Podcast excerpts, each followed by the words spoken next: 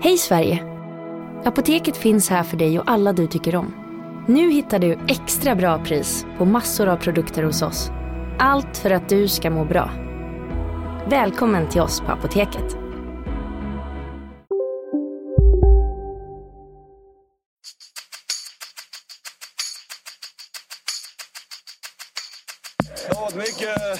Snack om det här inhoppet. Det är svårt att förbereda sig. Va? Så att, det, det är mycket känslor som väller över. När jag kommer hem ska vi fixa allt det där.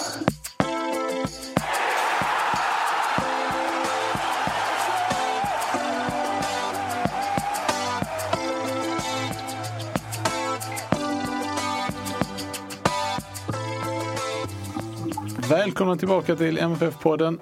Det här är avsnitt nummer 193. Jag heter Fredrik Hedenskog. Jag har sällskap av Max Wiman och Fredrik Lindstrand. Hallå! Goddag. Välkommen tillbaka Fredrik. Tack!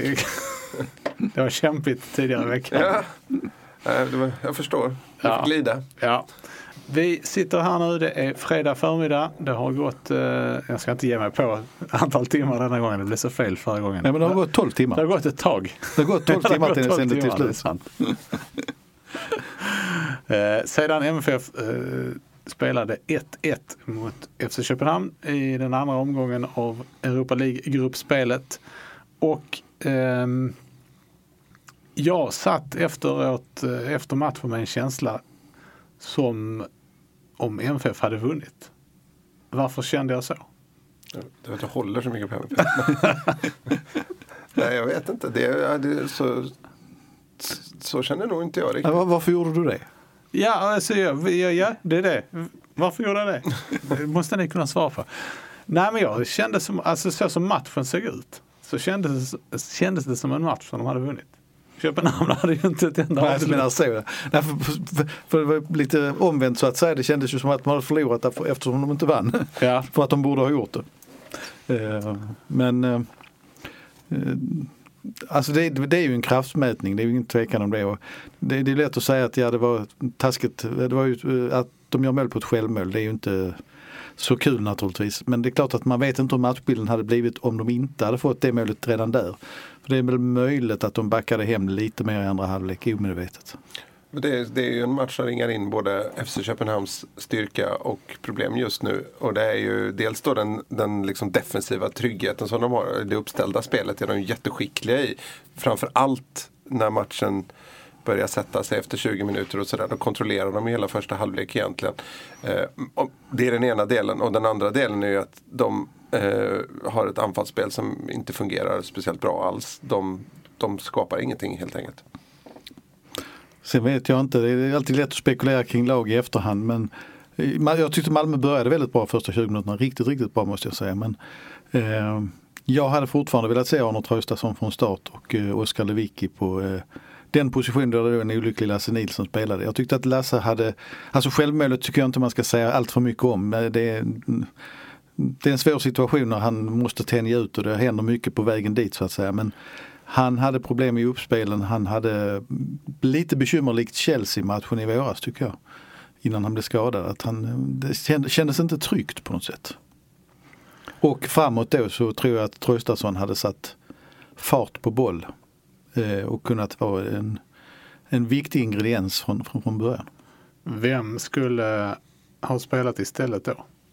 Eller vem skulle ha inte ha spelat? Nej, och det räcker ju att du tar ut Lasse Nilsson och flyttar ner Lewicki så får du plats för Traustason. Tänker så. Med, med, med facit i hand så hade det varit bättre att bänka Anders Christiansen. Eh, tycker jag. För det lyfte ju när han gick ut. Men Eh, det, det, det var ju en sak man inte kunde veta så att Nej säga. precis, det är ju liksom lätt att sitta och säga efterhand. Men det är lite oroande för MFF att eh, Christiansen återigen inte riktigt kommer upp i nivå. Eller så är det den här nivån han kommer upp i, i, i en viktig Europamatch. Men jag tror att han var dels övertänd och sen tror jag att han påverkades mer än vad kanske vad vi tror av den här smällen också. Mm. När han börjar blöda och det, liksom, det blir oroligt, det blir ju stökigt där ett tag för MFF. Den här det- situ- målsituationen hade väl heller aldrig uppstått om inte det hade varit två halta på den kanten, om man nu haltar när man har skadat axeln. Men, men Safari var inte riktigt i balans och Rex kunde ju knappt gå. Undrar om eh, FCK med vilja gick rätt hårt åt eh, Christiansen. För det var inte bara den smällen där han eh, började blöda näsblod. Utan det var ju fler eh, tuffa kamper, att de ville störa honom i början. Det var ju också som att det faktiskt lyckades lite grann, att de fick, fick honom ur balans där. För att han börjar ju rätt pikt liksom. Men sen börjar han liksom, och det, det känner man igen det mönstret. Eh, nu ska vi inte sitta och klaga för mycket på honom för att han har ju varit oerhört viktig för Malmö FF i år. Framförallt i Allsvenskan med massa matchavgörande mål. Eh, inte minst det mot AFC i Allsvenskan senast. Men eh, man ser mönstret då. Han börjar liksom försöka hitta tillbaka in i matchen genom att klacka och sådana här grejer. Skarva vidare, spela, spela mycket svårare än vad han behöver egentligen. Det, det, det var inte vad MFF behövde där i första halvlek. Eh, vad gäller självmålet så kändes det, jag har försökt att titta på eh, repriser så mycket jag har kunnat. Det är svårt att få någon riktigt bra bild men det, det ser nästan ut som att, för det känns som att eh, Nielsen har ganska bra koll på läget i, liksom i själva sin glidtackling eller vad man ska kalla det. Men att, att bollen kanske studsar upp lite grann precis i sista sekunderna. Att han då liksom får den på benskyddet istället för, eh, istället för på foten. Mm. Då tror jag att han hade kunnat styra den utanför. Det är väldigt små marginaler där för ja, han är ju så nära. Mm. Sen vet jag inte, jag har inte hunnit se så mycket repriser men att uh, varför han var så mycket efter från början om man ska uttrycka det så. Nej, upprinnelsen till situationen har jag inte heller eh, något tydligt minne av. Det, ja, det börjar med ett bolltapp av AC eller en nickduell. Han ja, det är en duell och så tror jag Seka spelar vidare den till Rasmus Falk som skickar en sån riktig smörpass till eh, Varela då, som löper. Eh, det är, det är ett jättebra anfall, det går fort. Det, det är liksom en, en back står ju, på, står ju med ryggen mot sitt egna, egna mål medan eh, deras anfallare där. Och, så jag, tror, jag tror det är Santos som kommer på bortre, bortre stolpen. Kan ju löpa liksom i fart så att säga. Så, ja, där, jag vet inte, Nielsen är ju trots allt först så, så där kan man ju inte säga så mycket om. Hade han, han hade, även om han hade legat läng ännu längre fram så hade han ju ändå fått häva sig för att han kan inte strunta i, i liksom, offside-linjen. Det är möjligt om man ska liksom leta fel att, att faktiskt Rasmus Bengtsson skulle legat något steg längre ner och, och brutit bollen redan i första ytan. För det är ganska tydligt vad som ska ske. Mm. De, har, de har ju numerärt koll på vad som finns inne i boxen egentligen. Sen är det ju väldigt intressant om man tänker på, ju mer man tänker på det att, att Malmö ändå håller ett lag som FC Köpenhamn utan ett enda avslut på en hel match. Alltså inte ens ett skott utanför har de. Eh, så att bakåt har ju MFF, även under den perioden när FCK var bättre i slutet på första halvlek, så har de ju faktiskt full kontroll. Eh, och nu får Lindstrand, jag vet inte om det var något jag sa som fick han protesterar högt emot. Kaffet i vrångstrupen. Men eh, nej, jag tycker att MFF hade en otrolig koll med Rasmus Bengtsson som en fullständig general i mitten faktiskt. Eh, var ni överraskade på något sätt av att, eh, av att man eh, valde att starta med Nielsen? Ja, jag var lite överraskad faktiskt. Både och kanske jag ska säga eftersom Rössler har en förkärlek för honom. Men Nielsen är ju bäst egentligen när han får spela mitt mittback. Och ja, jag hade nog, ja som sagt man kunde tänkt sig Erik Larsson också där nere eftersom för, för större snabbhet. Men, men jag tror att balansen i laget kunde blivit bättre med Oskar. Jag tror det, det, har väl lite att göra med att, att, han, att han valde berget på, på högerkanten också. Det var man kanske lite skeptisk till först. Ja, men berget var väl, ja, tyck, i min, mina ögon tillsammans med Rasmus Bengtsson eh, den bästa MFF-aren igår. Han börjar ju faktiskt eh, närma sig något som liknar den formen han hade när han Ja, detta var hans bästa. Man får ju faktiskt inte glömma att han spelar på en, en, relativt ny position också. Även om han hade den förra turen i MFF mot slutet där så har han ju varit borta från den i USA. Han har inte spelat som, som vinge där. Nej, I Malmö spelade han ju på vänsterkanten mm. då. Ja. Nu har han ju spelat till höger. Jag tyckte han blev ännu bättre när han kom över till vänster i den här matchen också. Absolut. Eh, vi ser vad man skulle... Vad... Tappade helt bort. Du, jag var jag som avbröt Du pratade om Jo Inge Berget. Ja, precis, precis, precis, precis. Han låg till höger då och det blir, blir svårt om man ska ha honom på ena kanten, Rex på andra och så Traustason, Bachirou och eh, AC på mitten. Blir lite, balansen där blir lite lidande. Det är väl därför han vill ha Lewicki på mittfältet då. Och då är väl, ja då kan man ju välja kanske ja, vad kan man välja mer i mittback? Då, då är det inte så jättemånga alternativ där. Det är Larsson i sådana fall. Sen eh, tyckte jag det var intressant på den kanten att Eh, Pierre Bengtsson hade ju problem när jag såg FCK senast. Men jag tyckte att under den här dåliga perioden i första halvlek så blev MFF alldeles för ensidigt och skickade långt bakom Bengtsson hela tiden och han backade ner och hade väldigt bra kontroll över det. Och där har ju inte Berget den speeden kanske heller att, att ta sig runt. Å andra sidan kan man ju säga att varje gång det var en duellboll Eh, kanske inte, inte bakom Bengtsson men eh, liksom mer nickdueller och så vidare så var det ju, hade ju Berget Då hade han ett övertag. gigantiskt övertag. Ja, absolut. Men det, var liksom, det blev lite för lättläst där ett tag tyckte jag att man skickade upp bollen just på den sidan. Sen eh, också FCK i första halvlek så gynnades de ju mycket av att deras centrala mittfält var eh, stundtals nästan överlägset MFF tyckte jag. Seka var fantastisk långa stunder och, Stager tog hand om, om det fysiska på ett jättebra sätt. Liksom. Där eh, hade MFF eh, oerhörda problem på, på mittfältet. Men de blev liksom lidande av att deras ytter, yttrar aldrig riktigt funkade. Så de fick liksom inget grepp. Det, det, FCKs offensiv handlar mycket om att få ut bollen på kanterna och, och så ska liksom det kreativa ske därifrån.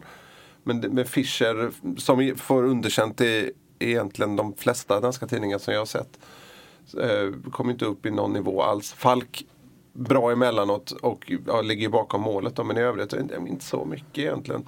Och då får ju FCK problem. Ja, alltså Fischer, det enda eh, han kom upp i nivå var ju gnäll. Han var gnällig. Han gnällde även på lagkamrater. Ja, mest det. Han borde kanske riktat det lite mer inåt. O- oerhört trevlig efteråt då. Ja. Smi- charmig och smilar och sådär liksom. Så var, det var ju överlag var inte några deppiga miner i, i FCK direkt.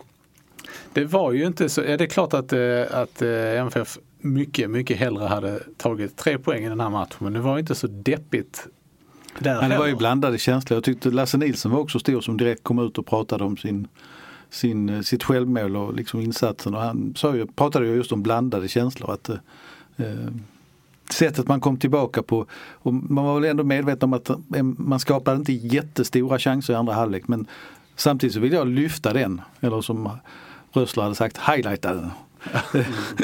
Eh, jag tyckte att andra halvlek så spelar ju egentligen Malmö FF med tanke på motståndet en fantastisk halvlek. Med eh, bra tryck och bra fart i passningarna igen. Och, eh, rätt stor kreativitet. Sen, sen är det ju när Antonsson inte är i form så är, fattas det ju en gubbe där inne på något sätt. Även om jag tycker han slet väldigt hårt och, och eh, verkligen gjorde vad han kunde och han hittar ju lite positioner så, så får man ju inte ut någonting egentligen. Mm. Erik Larsson gör ju ett jättepiggt inhopp tycker jag. Då händer det liksom saker på båda kanten. För Rex var inte riktigt med i matchen i första halvlek. eh, Nej. eh, inte så som vi är vana att se. Ja, det är möjligt att han saknade Traustason där också. De, att de gynnas mycket av varandra. Jag tror det också för att de har ju ett samspel som funkar väldigt väl. Sen Men är det bara, är det liksom, är hela förklar, sen, förklaring till scenförändringen, är det bytena? Eller skadorna? Ja, Eller du, så, det- du nämnde ju Erik Larsson, det är ju Traustason också som när han kommer in som driver boll och vinner väldigt mycket dueller och går in tufft i dueller. Och sen ett lite försiktigt eh, FCK. När man pratar med spelarna där efteråt så verkar det som att de hade som matchplan att hålla 1-0 ganska långt in i andra halvlek och vänta på att MFF skulle gå upp.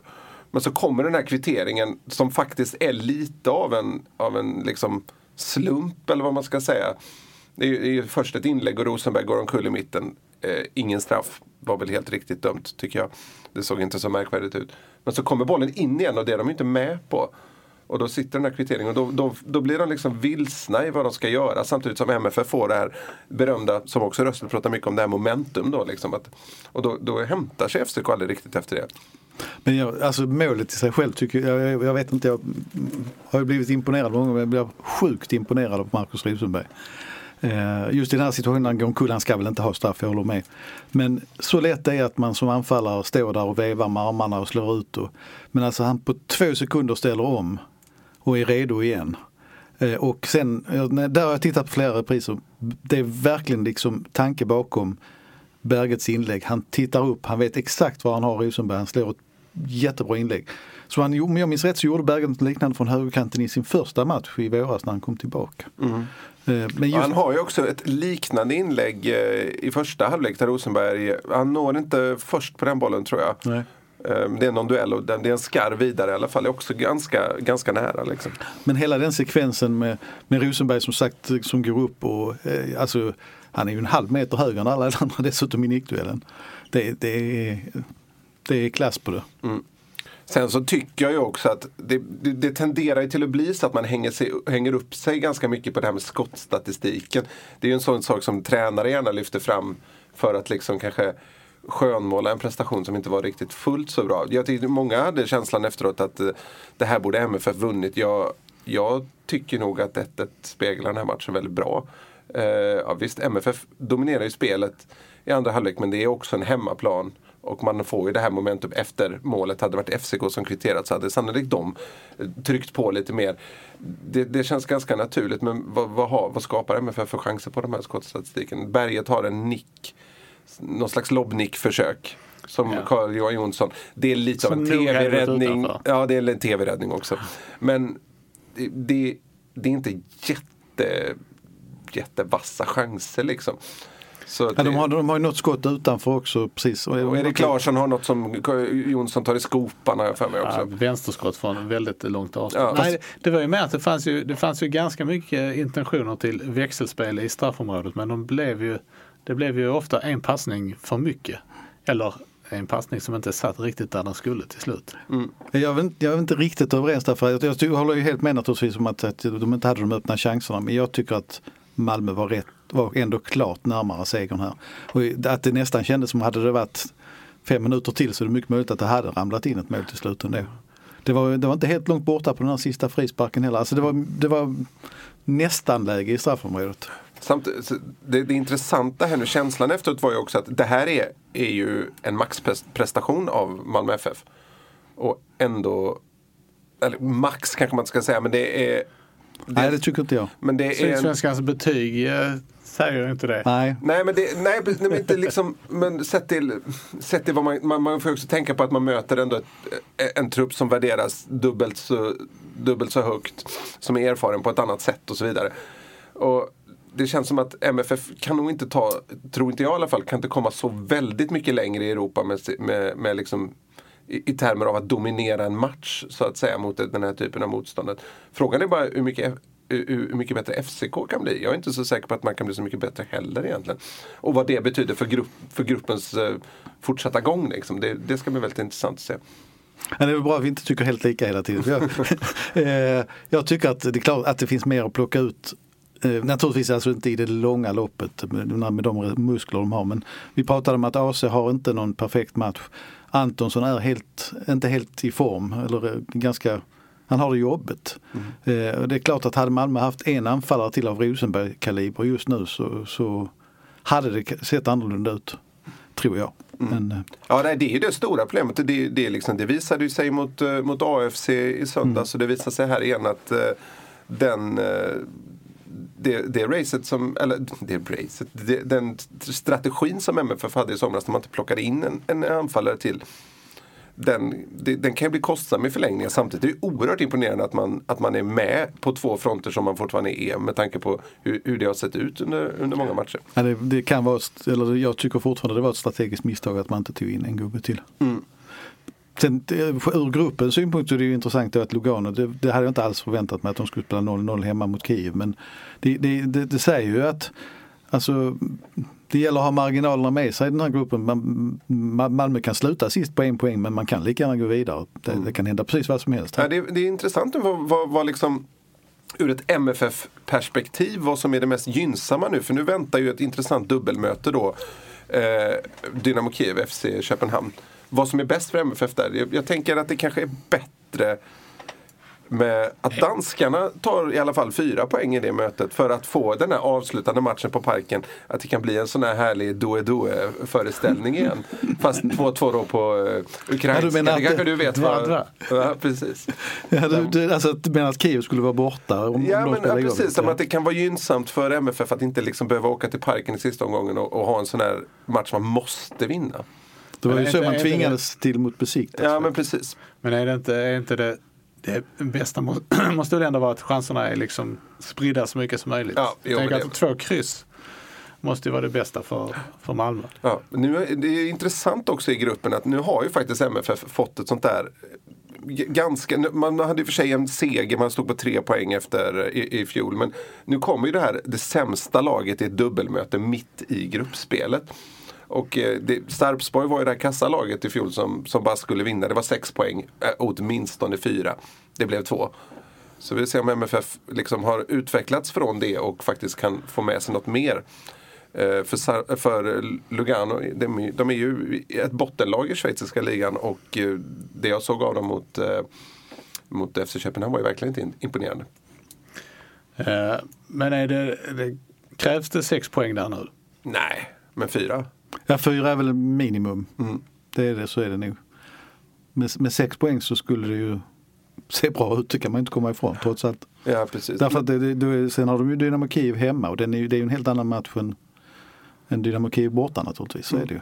Ja, men jämför man det poängmässigt med förra gruppspelet så som sagt MFF stod på tre poäng nu. Det betyder att man kanske inte har råd att, att kryssa båda igen. Man måste ha, ha in två poäng till av de här dubbelmötena. Och det, det man ska komma ihåg med dubbelmötena nu också, jag tror jag nämnde det redan vid, efter låtningen, det är ju att ma- bortamatchen mot Lu- mot Lugano blir ju ingen bortamatch i den bemärkelsen. Det kommer förmodligen kanske vara lika mycket MFF-supportrar där som hemma, hemmasupportrar, även om det är lite dyrt att åka ner där. För då, det, det, det är ju långt ifrån deras hemmastad och eh, intresset verkar väldigt svagt. Ja, det är ju verkligen som, det, är- det, det är intressant att de inte kunnat hitta en arena lite närmare Ja. Lugano. Och dessutom då språkmässigt i en annan del, alltså man lämnar sin egen region också. Ja. Så att det, nu vet jag inte hur mycket folk det var igår, jag har inte hunnit kolla det. Så att, eh, Det är lite lustigt det där för Lugano för det bästa, bästa platsen för dem att hitta en arena och spe- spela det, det ligger ju i ett annat land. Ja, och det får de ju att Man inte. kunde kanske spela sina matcher i Milano istället eller något i den stilen men det får man inte. Eh, Som kuriosa då när vi pratar avstånd och sånt kan jag bara säga att, notera att eh, det lär vara så att matchen igår i Malmö var den, den med kortast avstånd någonsin i eh, eh, Europasammanhang mellan lag från två länder. Det låter rimligt. Mm. Det är ju, eh, höll jag på att säga, det är längre mellan eh, det är längre mellan arenorna i vissa, eh, i vissa stora städer. Ja, faktiskt. mm, Ja precis. Ja, vi har väl, vad, vad är det mer som kan det, Vi har ju haft Manchester United har mött Celtic. Det är inte så vansinnigt långt men det är ändå nej, det är ändå Det är en bit det är, det är mycket mer än en, eh, en tio minuter med, eller en kvart tåg. ja, precis. Ja. Innan vi släpper matchen helt, jag vet inte, eh, om jag, vi har faktiskt bloggat nu på morgonen om, jag, jag blev besviken på läktarinsatsen igår. Jag tänkte vi skulle prata om detta. Eh, danska medier hyllar i stämningen. Eh, De gör det. Har du också valt att bli egen? Då är det viktigt att skaffa en bra företagsförsäkring. Hos oss är alla småföretag stora och inga frågor för små. Swedeas företagsförsäkring är anpassad för mindre företag och täcker även sånt som din hemförsäkring inte täcker. Gå in på swedea.se företag och jämför själv.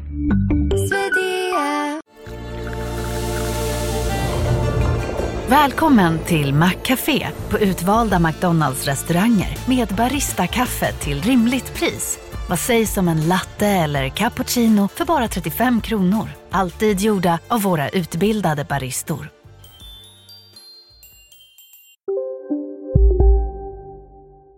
Så jag har Ja. inte läsa. eh, Fredrik har snott ihop lite Ja, jag bitar. såg det. Det var en, jag, dock. jag, vet, det, Komprimerat. Tidningar i plural där men de, eh, de tyckte ju att det var bra. Bra stämning. men I alla fall en tidning, BT, tyckte det var bra. Eh, Men vad, det är väl olika vad man har för preferenser. Ja. Det, det kan ju vara en del i det hela att vi har blivit i Europasammanhang bortskämda. Nej, men jag tycker så här, det, det, var, det var ju bra stämning innan det började. När Pontus Jansson var borta och ställde sig på, med kapum så det var ju rätt häftigt. Det var rätt bra tryck. Och, sen, sen händer egentligen någonting, det fantastiskt fina tifot.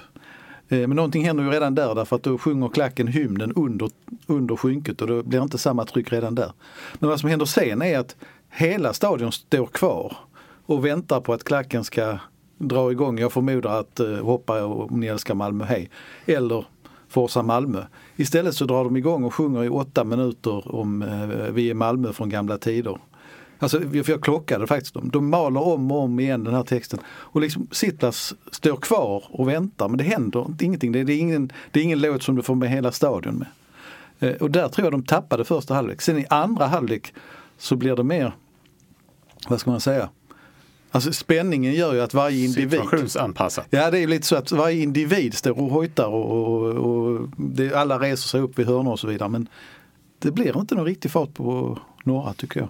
Nej, Min känsla efteråt var att det var lite av ett antiklimax med, med tanke på hur upphåsad matchen var. Och jag fattar att håller man på något av de här två lagen då tycker man ju förstås att att, att liksom spänningen i sig, i och med att det är så tätt och no, ett, ett mål kan förändra matchen så stort, i och med att det är så stängd match så blir ett mål så himla, himla, himla viktigt. Så att, då tycker man ju förstås att det är spännande. Men, men, men som en objektiv betraktare så tycker jag liksom att det levde inte riktigt upp till hypen varken på läktarna eller planen. Sådär. Jag vet inte, man kanske kanske bortskämd. Ja. jag vet inte. Men, det, det känns, men just läktarmässigt så upplevde jag det också så. Jag vet inte om det, om det har med stundens allvar att göra. Att liksom, folk kunde inte sjunga för att de var för nervösa. Eller det var inte så att det inte sjöngs men det, det kanske var också för att det var, det, det var ju trots allt bara den andra av sex gruppspelsmatcher. Och kanske, kanske också att det här FCK-hatet eh, Eh, som det har pratat så mycket om hos gemene man kanske inte riktigt finns där. Det kanske är ja, mer, mer vad en grupp känner. Utan det är liksom, många kanske bara tycker att det är spännande att möta ett lag mot, från Köpenhamn. Speciellt under en Europamatch så det tenderar kanske att, att komma lite så, så, kallade turister på läktaren. Men jag måste, nu har jag, nu har MFF spelat mycket i Europa de senaste åren men jag känner ibland vid de här matcherna att, att det också lite beror på den alltså, den svenska ovanan vid avsparkstiden. Alltså det är så himla lång laddning inför matchen. och sen så är klockan nio och då är folk liksom nästan, då är de nästan färdiga. Ja precis. Jag vet ta, ta italienarna har ju inte ens ätit middag. Nej, nej, spanjorerna äter frukost. Två korta reflektioner också då. Det, är, det var inte riktigt utsålt. Trots, vad jag förmodar i alla fall. Trots att man sa på eftermiddagen att det var utsålt. Om man tittade på södra läktaren ovanför FCKs klack så var det en sektion där det var väldigt många tomma stolar. Jag förmodar att MFF valde att stänga försäljningen och säga att det var slutsålt för att inte riskera att danskar skulle köpa biljetterna där på eftermiddagen. Det är bara en gissning. Men, och vi pratar alltså inte om massor men det var några hundra stolar som var tomma där uppe. Det var ju en siffra under 20 000 också. Sen bara så måste jag säga att jag tycker det, igår var det frapp, ännu mer frapperande än vanligt men de här klubbstolarna eh, som finns eh, där det ingår någonting i pausen. Alltså jag, jag blir så ledsen som idrottsvän när jag ser att det är avspark och eh, 90% av de stolarna är tomma. För att man sitter inne och dricker öl eller fika. Det, där, jag ska inte säga att det är turister som sitter där. Fylldes de sen då? De fylls på men det, liksom, det tar 10 minuter innan det är fullt där uppe. I andra halvlek. För mig som idrottsvän så är det fullständigt obegripligt. Eh, om jag hade köpt biljett för dyra pengar och ville se den här matchen och ville se, många av dem måste faktiskt ha missat målet till och med. Mm. Nej men just eh, stämningen och så, det, jag, det är ju svårt. Eh, man kan ju tycka, det ska väl du skita i, du bidrar inte till den. Men samtidigt så marknadsför sig MFF rätt hårt med den här stämningen. Och eh, spelarna pratar ju om den sportsliga betydelsen av den. Men tycker de under hela säsongen lite fram och tillbaka inte varit något jätte jättetryck. Djurgården hemma var väldigt bra. Men, men där var ju bortaklacken alltså, också ja, i stort sett lika bra. Liksom. De, de sjöng ju på och det var liksom, de mättes mot varandra och så, sådär. Nu tycker jag att MFF eh, absolut sjöng ut efter Köpenhamn sådär. Eh, men eh, jag vet inte, det har inte varit nästan makalösa läktarinsatser tycker jag. Jag trodde det skulle komma igår och blev lite förvånad att det blev som det blev. Men mm. det, det, blev lite antiklimax där när man inte, man inte fick med sig, såg till att få med sig hela stadion från början. Men hur mycket, alltså det här, den här eh, växeldragningen mellan eh, läktaren och planen. Hur mycket ska man eh, lägga på, på spelarna? Alltså matchbilden bidrar väl också, eller? Men i en sån här match tycker jag inte att den borde göra det. Jag vet inte, jag, jag, första halvlek upplevde jag väl också som ganska seg men jag upplevde andra som betydligt mer intensiv och då blev det ju i och för sig bättre fart också. Ja men om man men... jämför liksom när de har tryckt på i, i, tidigare matcher i Europa, Salzburg och Celtic och som vi tar. Men de, det är ju liksom det, det, det, är liksom det kanske är de som är undantagen. Man vet ju inte. Det är lite som Emil Forsbergs första säsong i Bundesliga. Man börjar tänka, att det kanske är den där säsongen som är undantaget. Det kanske inte varit att han inte riktigt kommit upp i nivå sedan dess. Så att säga, för att, för att göra en märklig parallell. Men, Men men att laget påverkas av eh, hur, hur, hur, hög stämningen är, det är ingen tvekan. Jag har pratat med många spelare och ledare mm. om. Och det är väldigt tydligt. Och man ser Rössler stod... Jo, det, är, det är det jag menar, man kan ju inte lägga över ansvaret på publiken. Nej, nej det är, det är ett samspel naturligtvis. Ja. Men jag ser Rössler stod och vevade med armarna ett tag i andra halvlek och försökte få igång ännu mer liksom, eh, tryck. Och det är klart att det, det kan ju handla om små saker på planen också, alltså spelarnas gester och attityder och sånt där som Men det är kanske just det som är saken. Att det, just den här häxkittelstämningen då. Eh, är ju en, det, det, som var, det som gjorde den så speciell är ju att det uppstår en slags symbios mellan plan och läktare. Och det är ingenting man bara kan liksom beordra fram sådär utan det är något som, som, som börjar leva sitt eget liv på något sätt. Och det kanske har blivit lite för mycket på senare år att man att man liksom pratar om nu ska vi ha en häxkittel och den ska komma där och då och den ska göra så att vi presterar på si och så vis. Alltså, det, den måste också gro naturligt så att säga. Om man får uttrycka sig Ja. rätt luddigt liksom. Men det, är- det, det är liksom inget sånt. Det, det, är, det är inte som ett tifo som man kan tillverka innan och dra upp innan, innan avsparken och som är fint. Man, man vet vad man kan vänta sig av det på något sätt. Men det, det, den stämningen är något annat liksom. Tror jag. Nu låter vi som det var liksom eh, dyster begravningsstämning på stadion. Nej, så var, så det är var det ju inte. Men, men det är, Gruppdynamisk analys. jag har sett också på sociala medier att det finns ju en hel del supportrar som själva är rätt så missnöjda. Sen andra som hyllar stämningen. Ja. Eh, nu tänkte jag att vi skulle kan jag börja blicka lite framåt. Eh, MFF spelar ju på söndag eh, hemma mot IFK Göteborg. Eh, och vi kan ju börja ta avstamp i Köpenhamnsmatchen med de skador som uppstod. Eh, det vill säga eh, de utbytta Sören Rex och Anders Christiansen. Och sen har vi ju även då Barang Safari som visserligen inte byttes ut men han hade en axel som ändå var så pass illa däran att han inte kunde kasta inkast. Precis. Hur, vad tror ni där?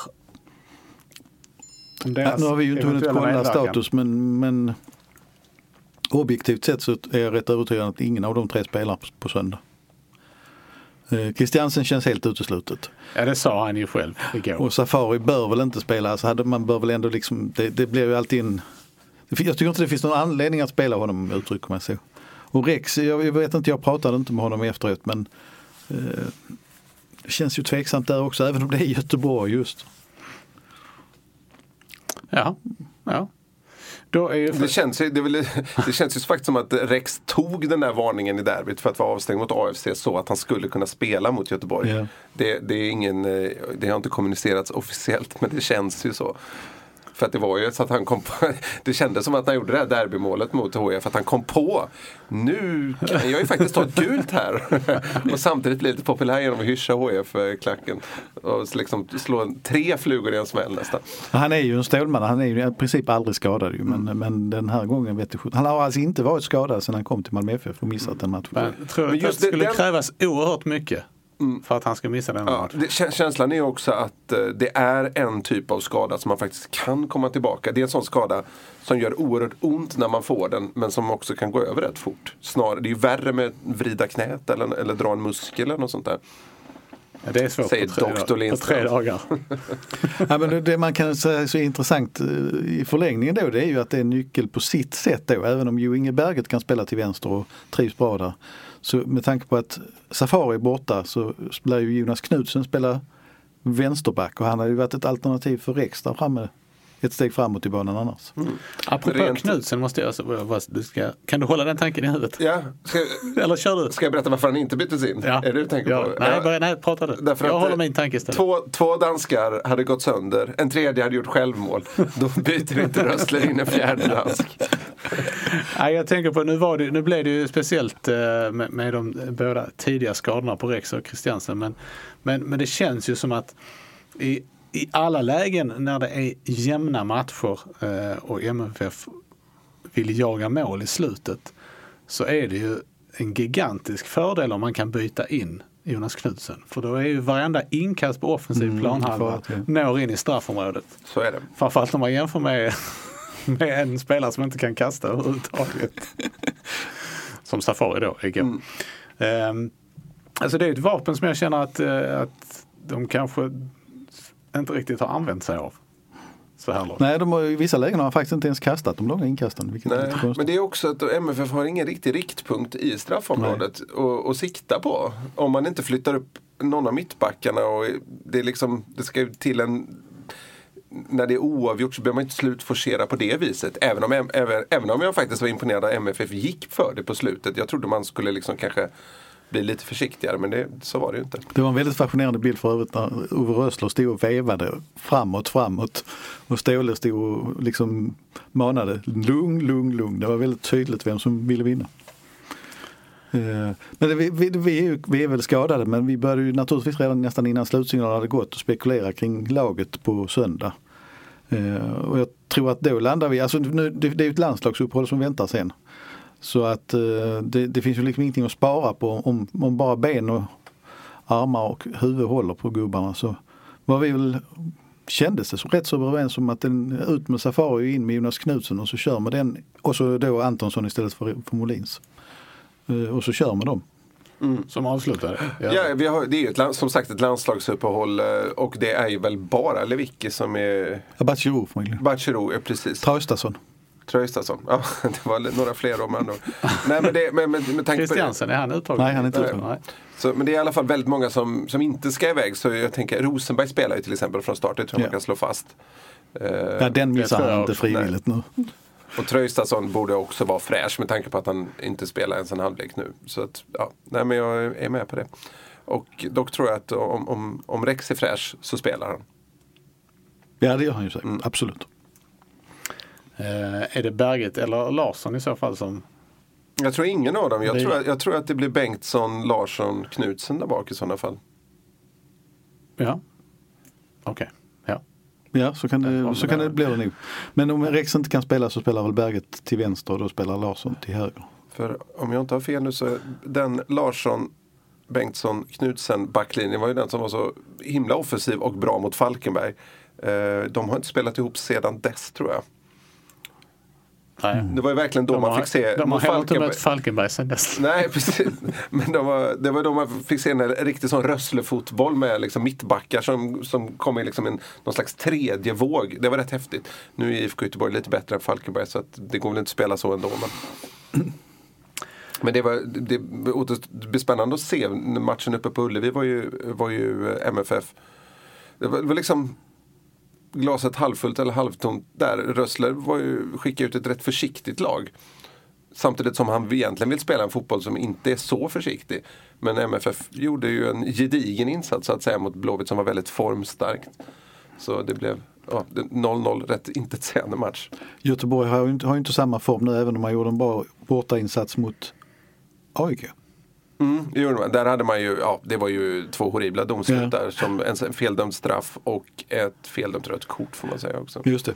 Men jag tänker så här är- att det Ja. kommer att handla om bara handla om den mentala styrkan på söndag. Orkar de Mm. komma upp? Alltså är de Lite som du var inne på Fredrik, eller var de tillräckligt nöjda med oavgjort igår för att liksom inte behöva börja från källaren upp eh, på söndag? Eh, för jag, jag tror bara det kommer att sitta i skallen. För normalt sett ska de vinna den matchen. Och det gäller faktiskt även publiken, vilket låter lite konstigt. Men eh, Göteborg normalt sett är ju en sån match där alla taggar. Men orkar liksom publiken tagga om igen eller blir det många årskort som stannar hemma för att det är 9 grader och blåser på söndag? Men det, det, ska bli en häftig match och det är en jobbig, jobbig eh, motståndare att möta. Blåvitt har ju redan gjort succé den här säsongen. Tippades ju åka ur av många. Dessvärre var jag en av dem. Eh, men, eh, men har ju alltså, de har ju liksom räddat sin säsong. De sålde ju Nygren i somras och då, Olsen gick också, Olsen, Olsson gick också i, i, i slutet här av sommaren. Och, men de har ändå liksom inte tappat så mycket som man kanske trodde. Sana har sett pigg ut och Aiesh verkar ha hittat formen också. De har liksom ingenting att förlora. Visst, det finns en Europaplats där som hägrar lite grann. Men det betyder att de ska ta sig förbi något av de tre Stockholmslagen eller MFF. Det känns kanske inte riktigt som att de kommer klara det. Utan de kan åka ner hit och bara liksom njuta av matchen och störa MFF så som de störde MFF i fjol. Eh, Det som, det som känns som har hänt med Göteborg under hösten är ju kanske att den här ändå eh, orutinen som de har eh, ihop med att vissa, har, vissa spelare har försvunnit, att det har liksom slagit igenom lite grann så de pendlar ju mer i, i Ja, de har ju fram, framförallt en horribel bortainsats mot, mot Hammarby. Men jag tycker nog snarare att bortamatchen mot AIK säger mer om hur IFK Göteborg är än, än bortamatchen mot Hammarby. Eh, som ja, något slags undantagsfall, en genomklappning som, som lag har under säsongen lite titt som tätt. Eh, men visst, MFF är ju förstås stor favorit här men jag tror att IFK Göteborg har ju liksom just det här läget att de inte har något att förlora på det. Kommer göra dem bättre. Om ni tycker att det blev väldigt tyst, vet ni vad jag var tvungen att gå in och kolla? Nej. Om jag ser rätt här så var det alltså, ja precis. Vet ni hur många åskådare det var på Lugano Kiev igår? Inte den blekaste. Ja, ni får en gissning. va? 2873. Ja, jag tänkte säga 3300. Så jag håller kvar vid det. Håll i hatten nu. 1281. Ja, i AFC-klass. Jag skulle säga det är nästan Ljungskile-klass va? Ja, ja, det, det, om vi tar procentuellt sett har vi många som bor på stället. Ja, vilket hugg! Ja men det var är nästan så- ja, men positivt det här är- menat i att Ljungskile att det var liksom Tänk var med- var faktiskt så det var tänk om menat. Ljungskile Ja, skulle ja. spela till Uddevalla. Hur många hade kommit där? Ja, det är ingen. Nej men jag tycker siffran är rätt intressant och den säger mycket om nu Malmö lyckas slå Lugano hemma. Så kan ni ju tänka er hur många som kommer på den matchen där och det innebär att det blir hemmamatch för Malmö. Så att eh, det är väl bara in och banka Lugano med 2-0 här hemma och sen åka ner och spela en hemmamatch till. Ja, det, det ska bli oerhört intressant Lugano hemma tycker jag. För att se om MFF har tagit det steget i Europa att man kan avfärda ett sånt lag i ett gruppspel. Det, det blir häftigt. Det lyckas man inte med i fjol. Eh, på söndag spelas ju också den för MFF ytterst relevanta matchen mellan Hammarby och Djurgården. Eh, vad, vad är, vad är liksom bäst för MFF i den matchen? Kryss va? Eller? Ja, jag är nog inne på samma sak. Även om, Hammar, om Hammarby vinner så är det ju eh, kämpigt för att Hammarby har ju i omgången, nästa omgång har, de- tar de ju emot MFF. Och jag har svårt att se att man, Malmö ska vinna den matchen faktiskt. nej, jag håller med helt. För det, det logiska vore ju annars att säga Djurgården för då är Malmö förbi dem och så vinner Malmö mot Hammarby så är, är det liksom de borta. Då är det bara Djurgården kvar igen. Men, men nej, jag håller med. Jag, jag tror att eh, eh, Hammarby är det farligaste laget i Allsvenskan just nu. Jag tror faktiskt att Djurgården kommer att tappa mer poäng på slutet. Precis. Det är ju alltså, det är sanslöst det här spelschemat som är nu. IFK Göteborg, Hammarby och AIK är Malmö som har nästa match. Jag, jag, tror, jag tror inte att det behöver vara något negativt. Jag tror snarare det är positivt för att det känns som ett, att MFF är ett lag som går igång på de matcherna snarare än att det hade varit, vad ska man säga, lite mer kanske Norrköping, Elfsborg och alltså de matcherna som de har haft nu hade nog haft större problem att få in och liksom hitta en topprestationer i ett tätt spelschema. Vi ska komma ihåg att eh, Göte, eh, Djurgården måste ju spela på gräs en gång också. De ska ner till Göteborg. Mm. Det blir ju tungt för dem. Samtidigt ser Djurgården riktigt, riktigt stabila ut. Det, det ska mycket till för att de ska tappa detta tycker jag. De har också lyckats eh, tillskansa sig lite, lite mer truppbredd här under, eller det har ju under sommarfönstret men det, det har ju ändå liksom synts lite här nu på hösten. Ja visst, ja, men Curtis Edwards och, och Emil Kujovic har ju varit på pricken vad de behövde kändes det som. Är det inte så att man skulle kunna överfört det att hade Malmö fått in Kujovic så hade läget sett ut, alltså de de hade haft det där alternativet med de långa inkasten och allt det här. Ja, det är intressant. Man, det är också, Kujovic tog de inte och Kiese var ju faktiskt på väg till FCK. Så där var ju MFF inte heller med. Men det hade inte varit fel att ha Kiese Thelin i, i laget under Nej. hösten i alla fall. Eh, Det blir också lite intressant att se i det här Stockholmsderbyt hur allsvenskans kanske hetaste spelare Vladimir Rodic eh, Vilken målgest han ska göra den här gången. Men, hur, jag tänkte, är det, för det har ju det har ju varit lite in och ut ur laget för hans del. Eh, Och mest ut. mest ut, ja men det såg ut ungefär som det gjorde i Malmö. Eh, och sen så plötsligt så har det, har det hänt någonting. Är, det, är ni överraskade över det? Ja, nej, dels, han är ju, spelar ju ett lag som har en oerhörd medgång nu. Han känns ju som en, en spelare som trivs i ett lag i medgång. Han är kanske inte den här karaktärsspelaren som går in och vänder sånt själv. Liksom. En så Men- kallad medgångslirare. Ja men lite så. Men han har ju, han har ju en hög högsta nivå. Det såg man ju i Malmö också. Det är ju, det är ju Dalarna som är problemet för honom framförallt. Men känslan var i Malmö ändå att det kunde vara ganska långt mellan de här riktigt bra matcherna. Mm. Ja, men det har det varit i Hammarby också. Men det, nu har de liksom fått Det allt att kanske nu att han stämma. har gjort tre i rad som man Men han och Djurdjic verkar gå i sin egen lilla värld mellan varven. Det är... Ja, de är fantastiska, de är så underhållande alltså. Jag tycker jättemycket om att framförallt läsa om dem. Ja, så är det med den saken. Mm. Vi eh, får väl helt enkelt återkomma vad det lider. Nu har vi lite dagar på oss här efter Göteborgsmatchen eftersom det är som nämnts landslag uppehåll. Men vi säger så för den här gången. Det här har varit avsnitt nummer 193 av MFF-podden. Jag heter Fredrik Hedenskog. Jag har haft sällskap av Max Wiman och Fredrik Lindstrand och ansvarig utgivare är Pia Renqvist. Tack för oss. Hej hej! Hej då! Hej då!